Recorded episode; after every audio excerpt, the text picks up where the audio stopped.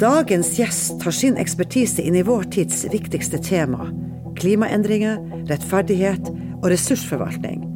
Hør om da Øyvind Stokke møtte filosofien og aldri klarte å bli kvitt den.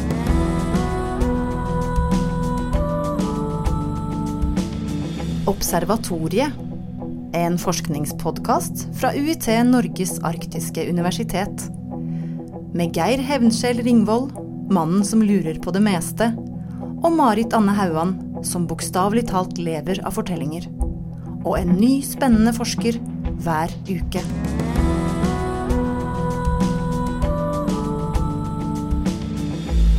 Vi skal eh, i dag snakke om rettferdighetsteori og miljøetikk, og vi skal sjekke ut hva anvendt politisk filosofi kan gjøre for oss med dagens utfordringer. Vi har besøk av filosofen Eivind Stokke. Vet du noe om anvendt politisk filosofi, Geir? Uh, nei. Uh, jeg trodde hele poenget med filosofi var at det er noe som foregår inni hodet. Det skal ikke omsettes i noe Jeg vet ikke. Jeg, jeg, kanskje jeg er for dum til å vite sånne ting. Nei, du tenker på den der tenkeren. Ja. Men når tenkeren kommer ut, hva får vi da? Hva er anvendt politisk filosofi, Eivind? Anvendt uh, politisk filosofi, det er politisk filosofi, som, det, som ligger i ordet, anvendt på, på virkeligheten. Um, det er snakk om altså filosofer, Politiske filosofer jobber jo med uh, prinsipper for rettferdighet, for de diskuterer legitimitet i forhold til beslutningsprosesser. Og det er engasjerte mennesker.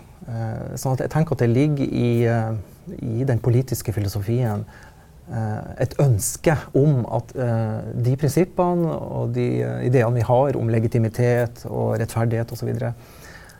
At det på et eller annet tidspunkt kommer i berøring med, med virkeligheten.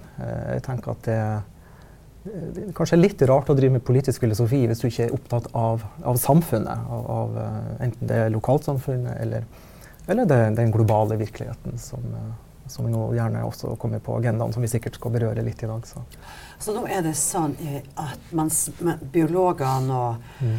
oseanografene og de som forsker sier at 70% av isen i arktiske tidene Oi, eh, Marit, jeg, vet ikke om vi kan ture videre helt med en gang. Jo, jo, jo. Jeg, jeg, jeg, må nesten bare spørre, fordi vi snakker om eh, prinsipper, mm. eh, om rettferdighet. Mm. Eh, kan du bare spole bitte litt, mm. litt tilbake og så mm. si litt mer om eh, mm. mm. hva slags altså, eksempler på de her prinsippene? Vi skal komme tilbake til mer, altså. Men eh, ja. Ja, det er mange, det er mange prinsipper eh, for, for rettferdighet. Eh, du har jo eh, prinsipper for fordelingsrettferdighet. De, de, står, de står, sentralt i, i, den, i, de prosjektene som jeg jobber med. Da. Ja, for eksempel? Ja, f.eks. Prinsipper for fordeling av eh, kvoter for utslipp av eh, karbondioksid. Uh, apropos havis. Altså, man har den her, og her må vi bygge på klimaforskning. ikke sant? Altså, man har vitenskapelig kunnskap om sammenhenger her da, mellom utslipp, ikke sant? vår atferd som, som, personer, enkeltpersoner, som, som, men også som kollektiv, som stater. ikke sant? Og, eh, og det som skjer på, eh, oppe i havisen. Da. Og det kan være prinsipper som, eh, som sier at uh, You broke it, you fix it, som det heter på norsk. Altså du, du har, du har um, dere har levd over evne, så å si, i Norge, som stor oljenasjon, verdens sjuende største oljeeksportør osv. Ok, dere da, har så og så mye skyld i det her, da må dere være med å reparere. Eh, og da kan det være, og det hører man jo, det er et slags historisk prinsipp også. ikke sant? Eh, at vi har eh, en, en skyld, så å si, av, gjennom altså at vi som kollektiv, altså våre forfedre, altså tidligere generasjoner, har sluppet ut. ikke sant? Men så kan man diskutere er det rettferdig, da. ikke sant? Fordi de tidligere generasjonene, våre oldefedre hadde, og mødre, hadde jo ingen anelse om dette. sånn at da kommer det andre diskusjoner igjen. Nei, sånn kan du ikke. Der, der kommer moralfilosofen inn og, og sier med pekefingeren. Det, var, det var ja. bare der jeg ville plassere deg. For ja. det er der du som filosof kommer inn. Ja. Eh, og egentlig ikke tar parti med noen, er, men eh, kanskje forsøker å balansere litt den diskusjonen om eh, ansvar. da. I høyeste grad. I høyeste grad. Eh, det er interessant det du sa med å ta, ta parti og ta standpunkt. Jeg tenker at uh, jeg er såpass uh, enkel i mitt filosofiske hode at for meg så handler det her om uh, gode, bedre, bedre, eller mindre, altså gode eller mindre gode argumenter. Ja. sånn at jeg føler at jeg har gode grunner til å hevde det jeg hevder, så vel, så tar jeg på en måte et standpunkt. Mm. Så, så hvis filosofen går inn i fattigdomsbekjempelsen, så tar den faktisk Eh, et parti for eh, som, eh, altså ta, stille spørsmålet ved hvordan kan vi fordele dette så vi får, får en annen fordeling av godene. Og da vi, kan noen påstå at man har tatt parti for de fattige. ja, det, det, vil jeg ikke legge skjul på. Uh, og det er mange grunner til at man, man kan ta, ta, så å si parti med, med verdens fattige som også er, er, står høyt på agendaen i, i klimarettferdighet. Ikke sant? For de anses å være de som rammes, rammes, rammes hardest. Mm. Um, så det har, det har, noe med, med Skal vi si altså Man kan jo vise til menneskerettigheter. Det er jo Simon Kane en av de mest kjente climate justice-tenkerne i dag.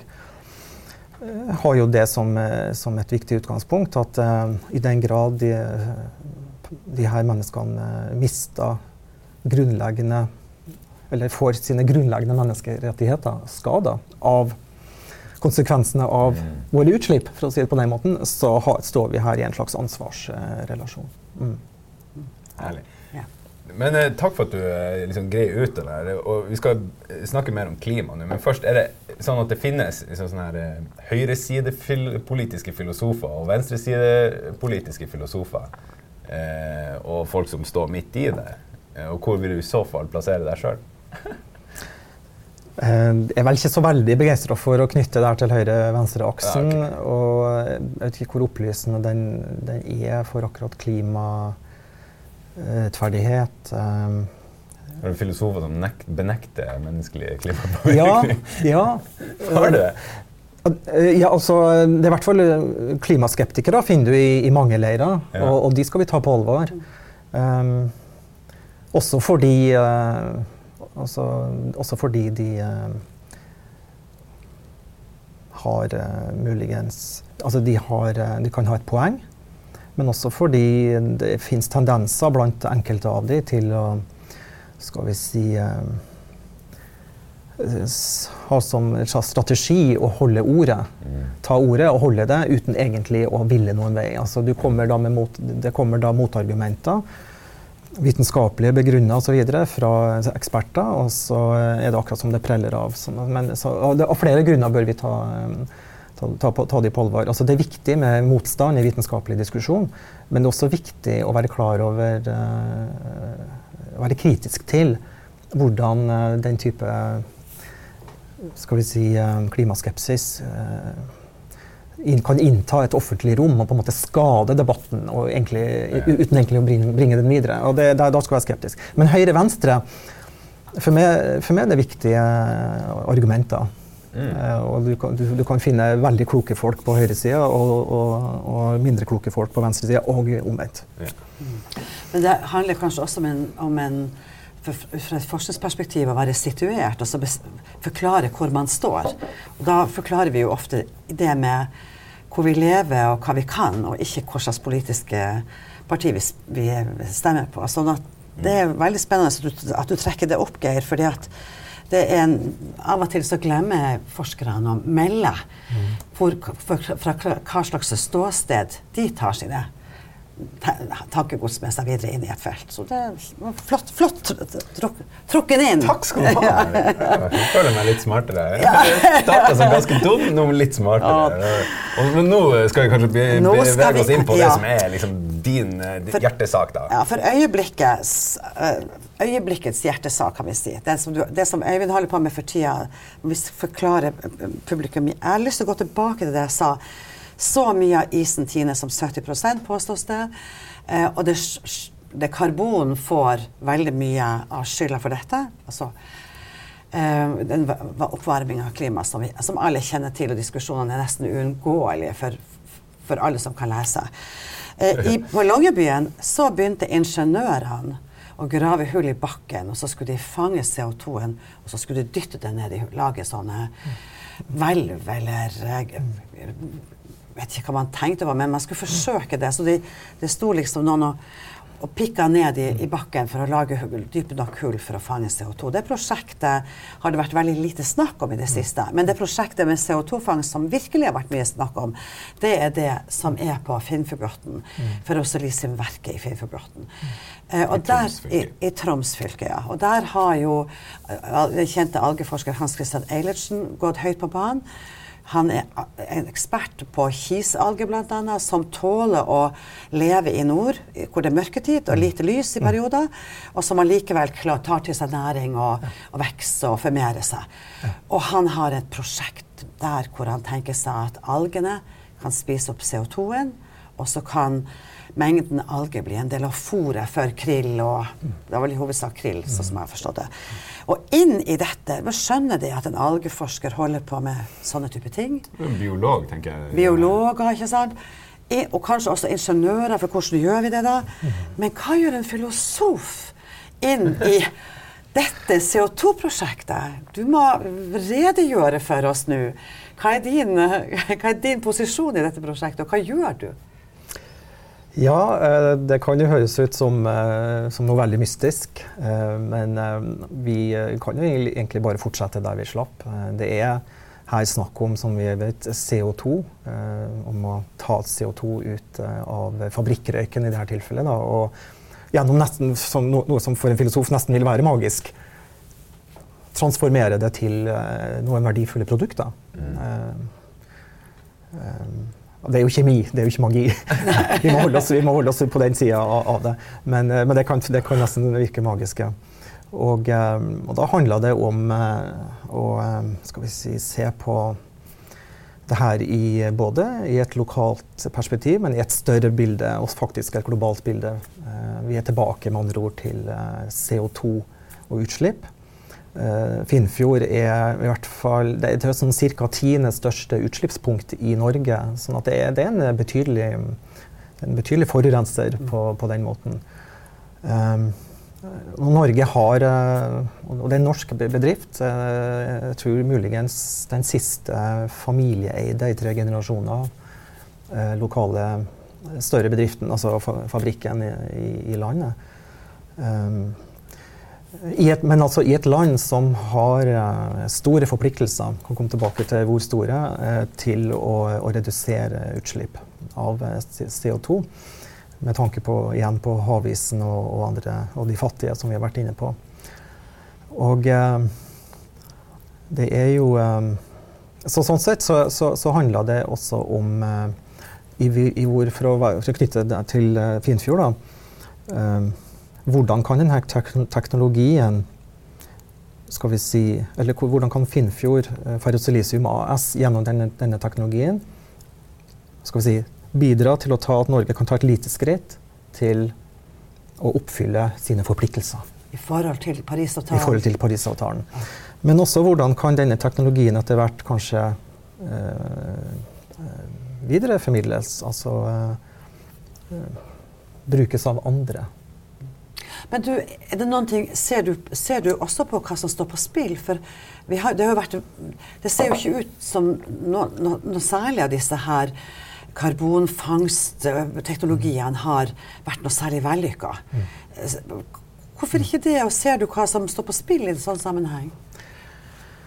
Eh, det er ganske mye som står på spill, og eh, det er ikke gitt at eh, det her skal vi si, lykkes i, i klimaøyemed, eller, eller, for den slags skyld i, i miljøøyemed. Altså, vi snakker jo også om en lokal bedrift med lokalt forurensningspotensial nær sjøen. Det er snakk om å knytte dette til laksefôr. og oppdrettsnæringa er jo under lupen. så her er det mange ting. Men eh, for å bare svare på det spørsmålet om, om sånn teknologien her, så, så, så, er det jo en risiko i det uh, som eh, bedriften jo tar. Vårt prosjekt handla ikke minst om å se på se kritisk på, på, på dette oljeprosjektet.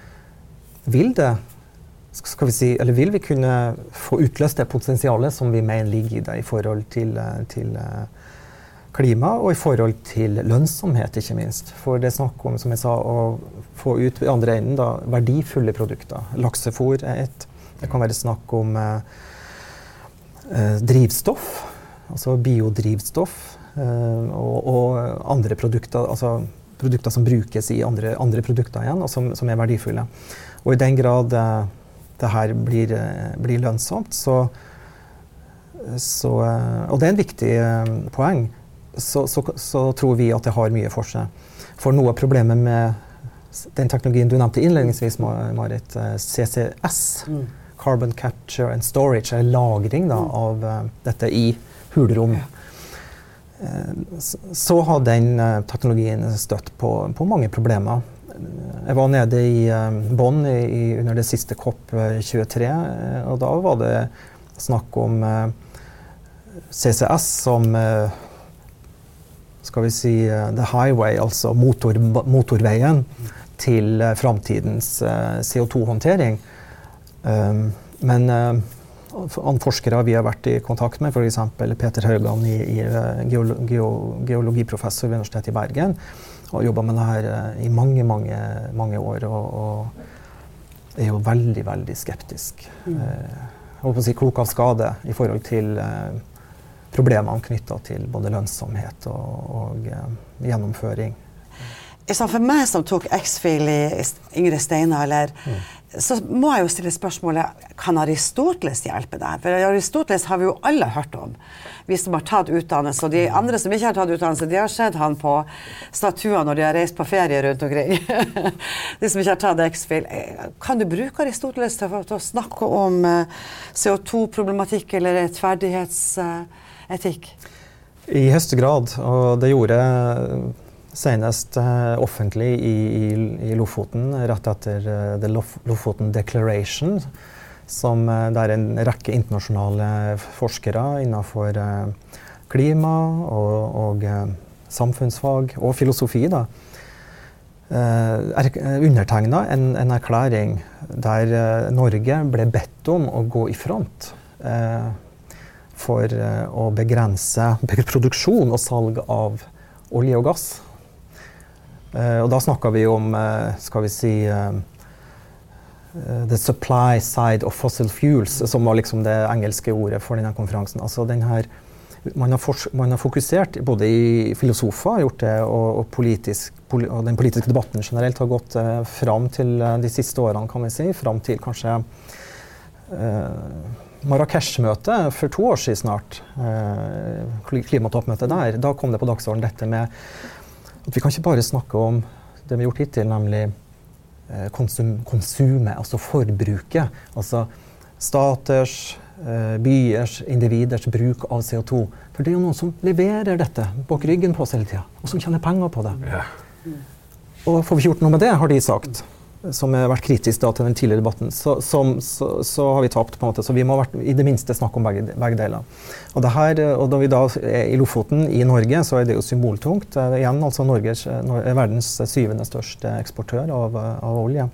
Og med en historie i hvert fall tilbake, tilbake til 1990, som jo regnes som det offisielle årstallet da man ikke lenger kan skylde på det, det som oldefedrene våre kunne si, nemlig vi visste jo ikke noe om sammenhengen mellom forurensning og global oppvarming og to grader og de tingene her. Eh, så så sier man da at så, så, er det da derfra fra 1990 ikke noe pen, det er ikke noe pent syn, den historien. Vi har eh, økt faktisk fra vi fikk beskjed fra klimapanelet om at hør her, det her er, det her er, livs, det her er, det her er livsfarlig for, for, for, jorda. Så har vi altså økt produksjonen med 25% Aristoteles. Og Aristoteles, som, som nå endelig skal komme inn, han er da i Lofoten og hvisker oss i gjøre. Hvis, du, hvis, hvis Norge går foran og begrenser eh, sin produksjon og sitt salg av uh, olje og gass, som de jo kjenner, dere jo kjenner mye på, så vil dere stå fram som et forbilde. Og Aristoteles' store innsikt i etikken er jo Eh, og så å si ta ned i det sosiale fellesskapet. Og vise at eh, moralsk læring det er noe som skjer mellom barn og foreldre, mellom borgere i, i landsbyen og mellom borgere og politikere. Altså at man i, eh, i eh, bystaten i Aten, ikke sant eh, Skal vi si eh, Utvikla Eh, holdninger eh, for hvordan vi skal forholde oss til ulike handlingsvalg. Og som er en form for, for klokskap. Altså, som ikke, Aristoteles sier, det er ikke noe vi kan har, det gir oss ikke noe verdi å sitte og studere disse holdningene som, som prinsipper. Eh, abstrakt, og så si, ta en eksamen og, og være etikkekspert. Tvert imot så er dette noe du viser i praksis. Der det å, det å, ta et valg er noe du gjør i en av og til konfliktfylt situasjon, der det er mange hensyn å ta. Og eh, der er det ikke lett å vite nøyaktig hva du skal gjøre. Hvordan ble du filosof? Hvordan, hvordan ble disse temaene ditt levebrød? Når våkna den der inspirasjonen til å havne i dette feltet og ta så store, dramatiske spørsmål innover deg? Um, nei, de uh, De kom vel uh, De kom vel De store dramatiske Altså miljø, miljøspørsmålet kom jo allerede i gymnasdagene, eller i videregående, som det vel hadde, akkurat hadde begynt å kalles da. Og da gikk det på, på um, Sør-Helgeland natur- og miljøvern og, og vern av et vassdrag, som for øvrig blitt, ble ble verne, vernepark, eller nasjonalpark. I dag har det blitt nasjonalpark. Så det førte fram. Lomsdalvisten? ja. Ah. Uh, så det er jeg litt stolt av. Vi, var, vi, satt i de første møtene i stua hjemme hos uh, lederen, Morten, Linseth. Uh, så apropos, det, det, er viktig å hive seg med. I dag er det ikke vassdrag, og i dag er det litt sånn, også litt sånn paradoks for å tenke. For i dag det er den rene energien det vassdraget osv. ville gitt. Sant? Men vi må videre. og jeg tok vel med meg det engasjementet inn i, uh, inn i, i universitetsutdanninga mi. da. Eh, men jeg begynte før det på, på Nansen-skolen på Lillehammer og gikk et år der. Og der eh, ble jeg nok, som jeg har sagt tror jeg noen ganger i familien, der ble jeg nok skada. For der møtte filosofien, og jeg klarte ikke å bli kvitt den. For det er et akademi, som de kaller seg, som, der filosofi på mange måter sto i sentrum. Uh, skulle man ikke tro, men det, det fins faktisk et sted man kan gå et, nesten et år og stort sett snakke med student, medstudentene sine om, om filosofi og og samfunnsspørsmål. Vakker reklame for Nansenskolen. Det må vi bare si at det er altfor få fra nord, nordfra som har gått der. det er nok riktig. De aller, aller fleste kom fra Viken, ja. Oslo-området. Ja. Men du har, eh, du har jobba med mange spennende temaer. Vi, vi, har holdt oss på CO2 og klima i dag. Du har jobba med antarktisk spørsmål om og vår forståelse av våre rettigheter der. Og du har jobba også med samisk problematikk, ressursutnytting. Vi mm, har mm. store utfordringer nå i de samiske områdene. Mm, Bl.a. med Nussir som vil inn og deponere spillet fra gruvedrift i fjorden. og Havforskningsinstituttet har sagt at det bør de ikke gjøre, og det bør de ikke gjøre. Men vi, ikke, vi har ikke tid til å komme inn på dette her. Men eh, det er jo et sånt enormt ansvar vi snakker om finnes det noen Kan du dra opp et eksempel på et tema som vi i samfunnet har begynt å bry oss om, som, som, kan være til etterfølgelse hvis vi skal få folk til å ha mindre forbruk og mindre karbonutslipp og sånn. Har vi fått noe til? Har vi begynt med noen ting i, i samfunnet som vi kan være stolt av? Slutta å røyke, selvfølgelig. Det var jo en, en ting. ja. Røykeloven eh, sto på dagsorden eh, på et, eh, et, møte i regi av Forskningsrådet her for to år siden. Mm. Eh, Dagfinn Høybråtens modige alle, alle, trodde at den ble, skutt ned med en gang. til slutt, så ja, i dag står vi der med røykelov. Og det, det er for så vidt derfor et, et, eksempel på et eksempel som virker, altså et forbilde. Det var, man, det, det var, mange som var oppe fra Cicero og, og, og sa akkurat det. At uh, sånn, det her må vi på en måte også tenke, sånn må vi også tenke om klimaet og om uh, forbruket vårt uh, i forhold til, til miljø, miljøskade. Jeg tenker jo at det som jo nå skjer, den, lille, den her plastrevolusjonen som er i gang, er et eksempel på det du, du, spør om nå. Det vel det jeg kommer på først. Og det gir meg sånn håp, altså, fordi det I fjor så hadde vi vårt første møte i noe som heter SIER-nettverket her i Tromsø, som er et uh, UiT Fram Norut-nettverk for uh, forskere innenfor humaniora og samfunnsfag som jobber med, med miljø. Altså, så, vi, etter vi møtet så bar vi alle de her plastflaskene vi hadde kjøpt inn til lunsjmøtet. Eller det var et stiftelsesmøte. Da, og så sa vi herlighet, vi kan ikke ha møte om miljøforskning på UiT og, og Fram og, og Norut, og så sitter vi her med plastflaske opp, etter tak, opp til taket. Um, så det, det, det, neste møtet så må vi ha. Ja. Det er faktisk derfor du får glass her på podkasten ja, Observatoriet. sånn er det. Sant? Sånn er det. Veldig bra.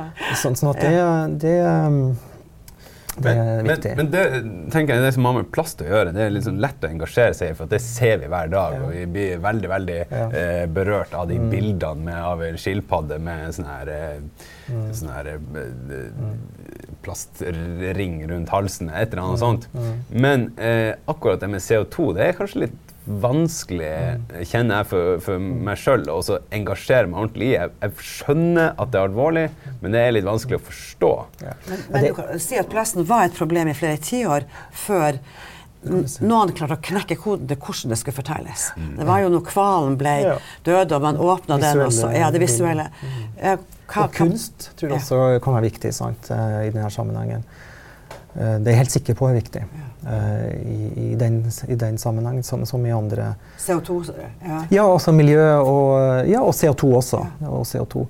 Uh, Jens Galskjøtt, dansk kunstner, var jo offisiell kunstner under Paris-toppmøtet. Og han har jo fantastiske bilder som visualiserer um, både at de fattige rammes, at isbjørnene rammes. Altså, det var jo plakaten for for uh, Parisavtalen var jo en, sånn her, et bilde som, som fanga opp alle de her tingene.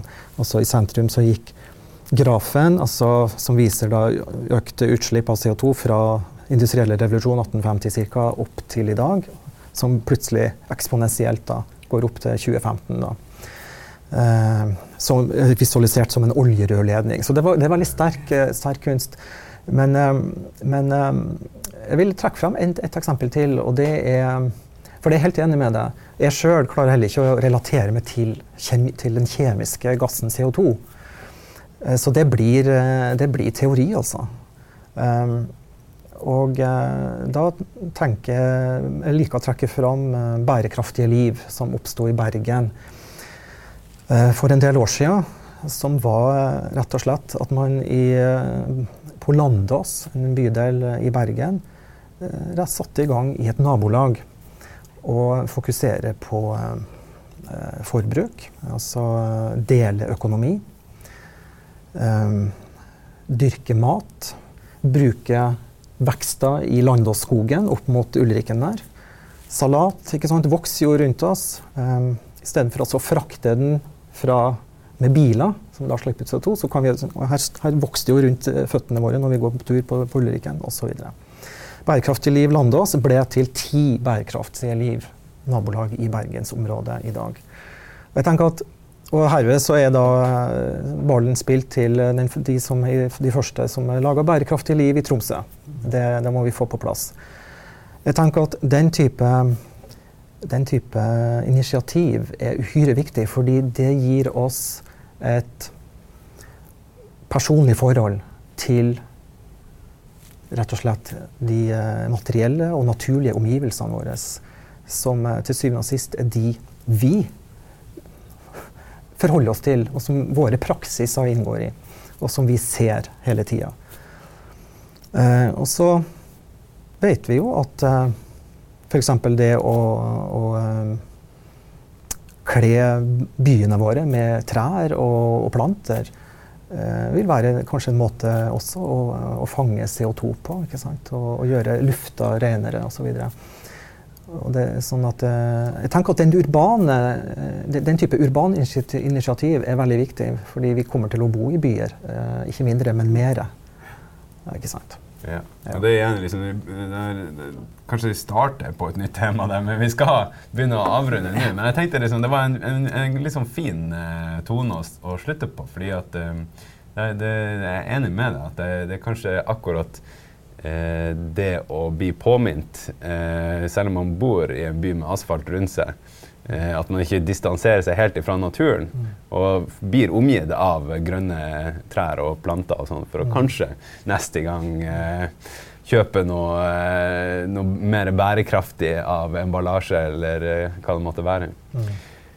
Vi er tom for tid. Vi er tom for tid, men vi må bare si, jeg har ja. bare lyst til å si, Geir, at disse her temaene det har Eivind Stokke i sin kronikk ja. sagt at vi må snakke om ved middagsbordet. Vi må snakke med de unge, vi må snakke med hverandre. Vi må ha det som et gjennomgående tema. Så skal ikke vi bli enige om det, Geir, at neste gang vi møtes, uansett hvor, ja. så snakker vi litt om miljøetikk. Det kan vi gjøre, og kanskje særlig CO2, siden det er ja. en av de vanskelige. Ja. Tusen takk for at du kom. Eivind Stokke Tusen takk, det var veldig hyggelig å diskutere med dere.